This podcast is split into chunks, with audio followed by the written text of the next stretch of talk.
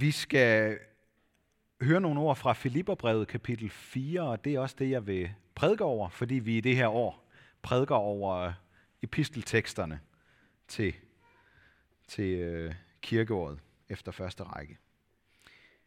Der står sådan her, og det er Paulus, der skriver til menigheden i Filippi. Glæd jer altid i Herren. Jeg siger af dig, glæd jer. Lad jeres mildhed blive kendt af alle mennesker. Herren er nær. Vær ikke bekymret for noget, men bring i alle forhold jeres ønsker frem for Gud i bøn og påkaldelse med tak. Og Guds fred, som overgår al forstand, vil bevare jeres hjerter og tanker i Kristus Jesus. Amen. En af de ting, jeg altid glæder mig til, når der er VM i fodbold, det er at høre en argentinsk kommentator gå fuldstændig amok, når Messi eller en eller anden anden har scoret. Så er der ingen grund til at øh, sige glæd jer. Fordi de hopper og danser og råber alle sammen.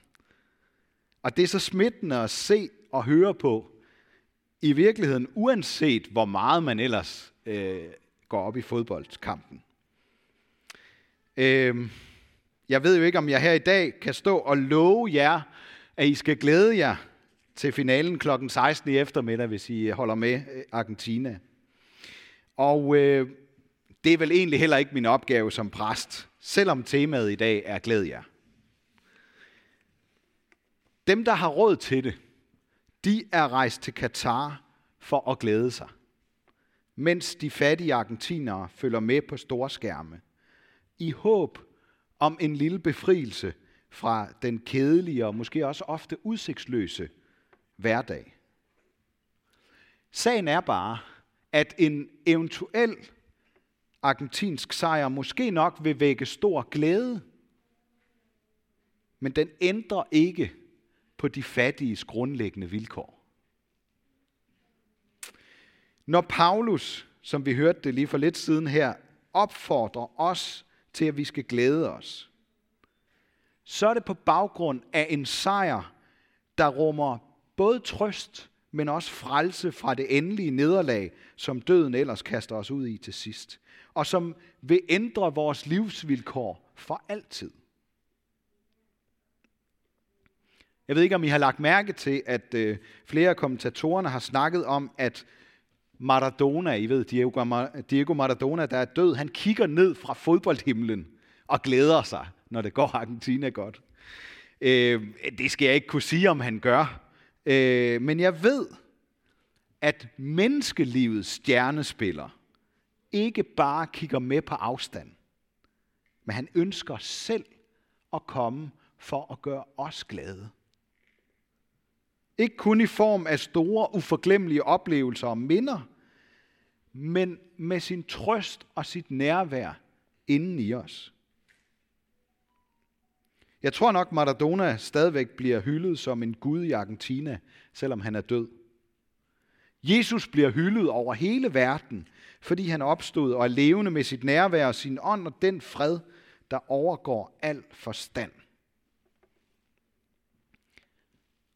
Og jeg ved godt, at når man siger sådan noget, så kan det måske høres mest som en påstand. Især for dig, der ikke helt kan tro på det.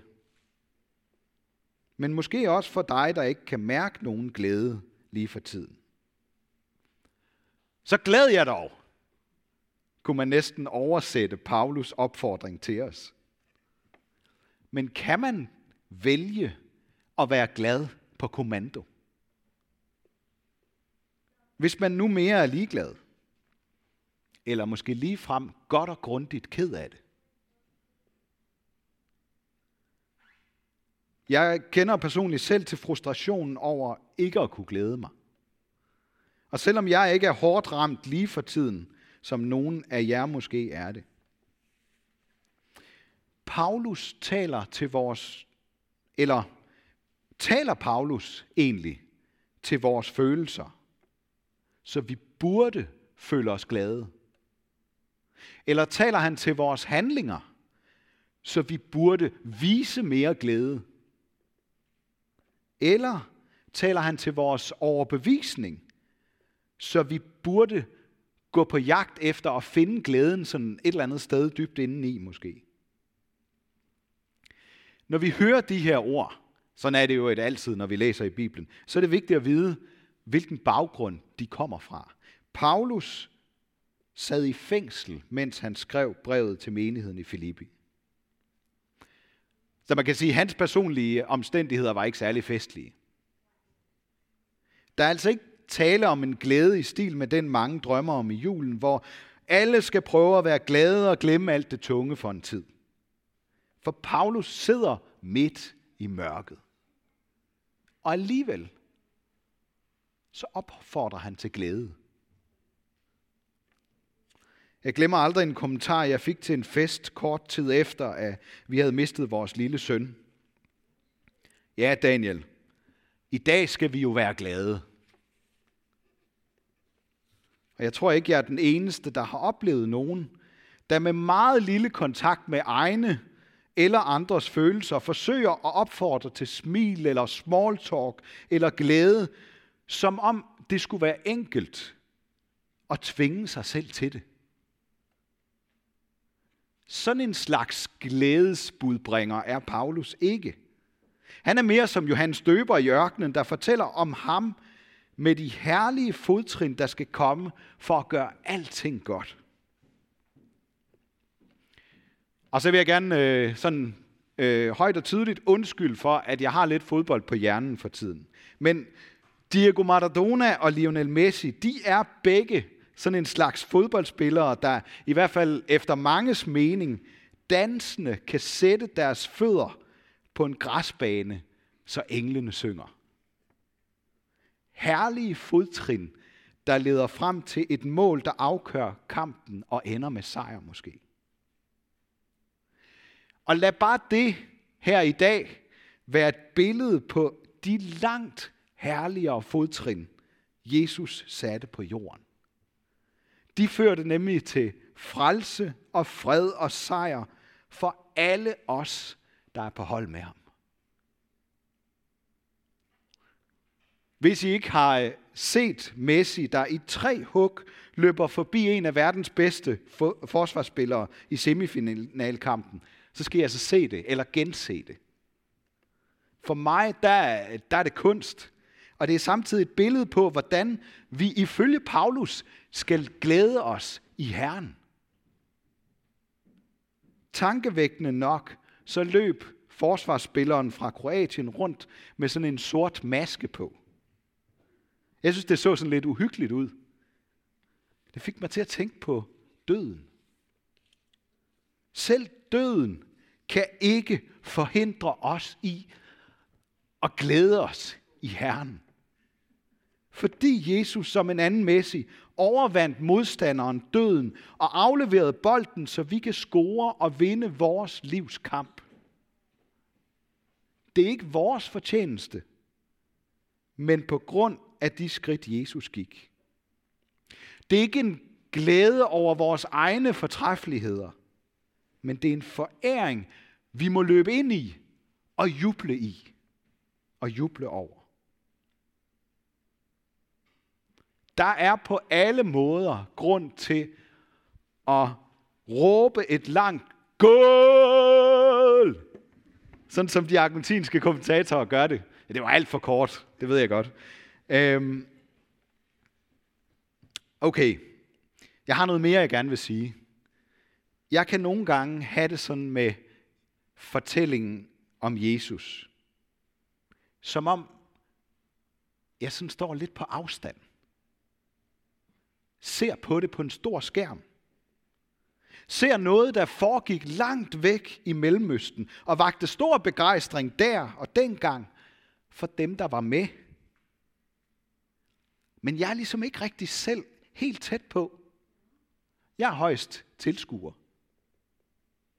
Det er de andre, der får lov til at spille med og score eller juble begejstret. Paulus siger, at vi skal glæde os, fordi Herren er nær. Han er lige her, i vores mund vores hjerte, selv hvis vi hverken har ord for eller føler nogen glæde. Han er især hos dem, hvis hjerte er knust. Hvordan kan du være så sikker på det? Er der måske nogen, der sidder og tænker. Fordi det nærvær, Paulus oplevede i fængslet, er det samme nærvær, der nærer hans glæde og får ham til at dele den med menigheden i Filippi og med os i dag. Vi er en lang række budbringere med herlige fodtrin gennem århundrederne. Jeg vil godt indrømme, at jeg bliver berørt, når fattige argentinere får lys i øjnene af at følge deres fodboldhelt på en stor skærm. Men det er jo kun en overfladisk glæde, sammenlignet med, når mennesker ser lyset fra Jesus og de fodspor, han har sat i vores verden. Den danske salmedigter Brorson har skrevet en adventssalme, som vi skal synge under nadveren, hvor han fortæller om, at han lå i bånd og fængsel, indtil Jesus selv kom til ham og gjorde ham glad. Man kunne sige meget om brorson, men han havde blandt andet gennem mange år den sorg af hans søn. Hans søn var så psykisk syg, at de med datidens begrænsede muligheder blev nødt til at holde ham lukket inde i et værelse på loftet i præstegården. Midt i den smerte kunne han skrive linjerne om Jesus. Ej andet fra dit rige har draget dig herned, end din den uden lige grundløse kærlighed. Da jeg i mørkhed sæde og satans rige sad, der kom du selv, min glæde, og gjorde mig så glad.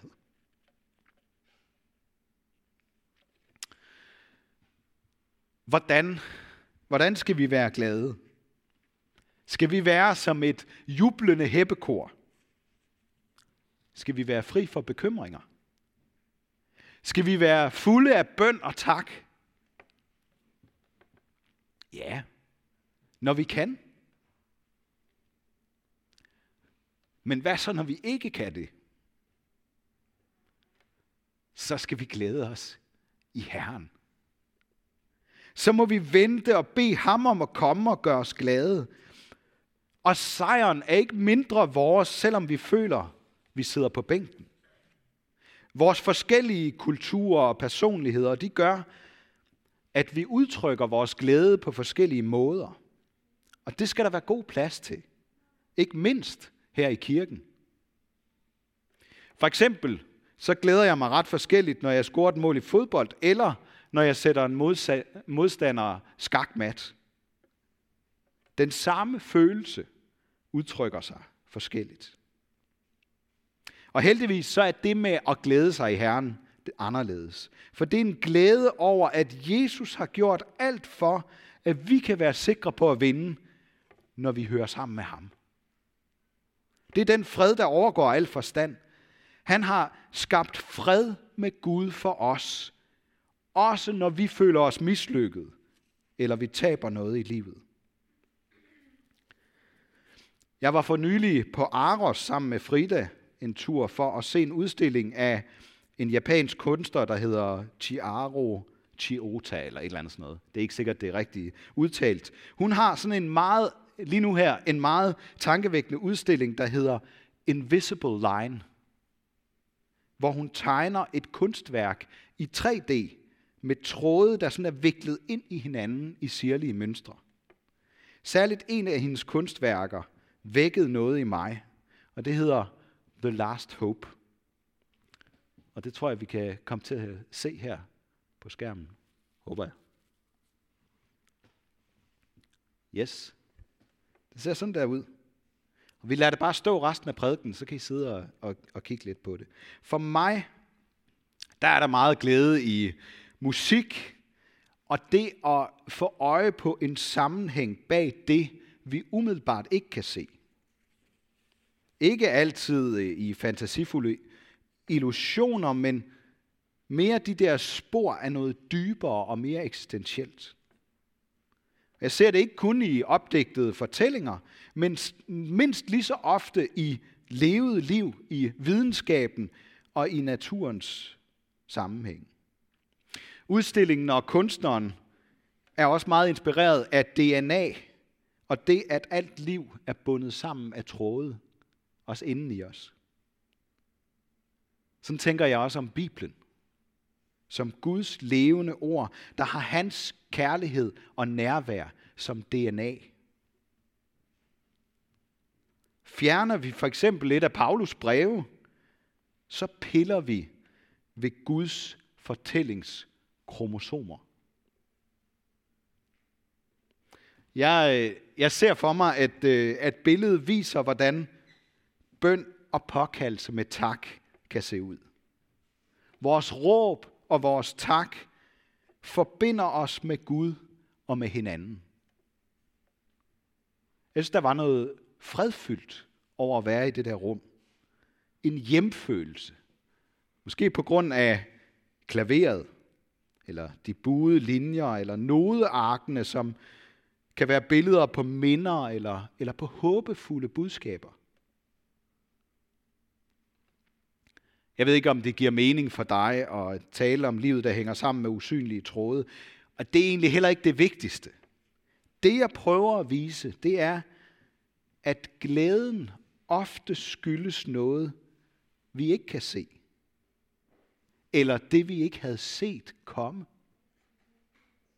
Ofte er det overraskelsen, der når ind til os med glæden.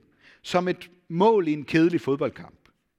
Som en god besked på en mørk vinterdag. Eller en uventet opmundring fra et andet menneske. Måske er glæden som et sprog, vi skal lære forfra, når vi har mistet evnen til at glæde os. Så mange oplever det med evnen til at bede, eller måske bare at smalltalke. Jeg tror, Guds ånd væver usynlige tråde i vores liv, for at vi skal få øje på skaberen bag alt liv. Jeg fatter ikke, hvordan kunstneren har lavet det der virvar af tråde, som efter sine er unikt for hver eneste udstilling rundt omkring i verden. Jeg fatter ikke, hvordan vores livstråde hænger sammen, om der er en mening med deres mønster.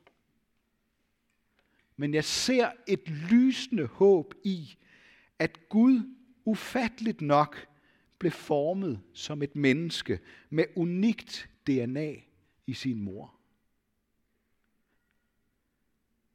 For at overraske alt og alle med en overjordisk glæde, der især er for alle dem, der sidder i mørket og dødens skygge. Det sidste og eneste håb for os mennesker. Glæd jer i Herren. Glæd jer over det lys og den sejr, han kommer med. Lad ham, der er glæden, komme og gør dig glad i år, når du skal fejre jul. Ære være Gud, vores far, der har skabt os i sit billede. Helt unikt. Ære være Guds søn, der kom og blev menneske og tog vores straf, så vi kan leve i frihed og fred med Gud. Ære være Helligånden, ham, der gør Guds kærlighed levende inden i os.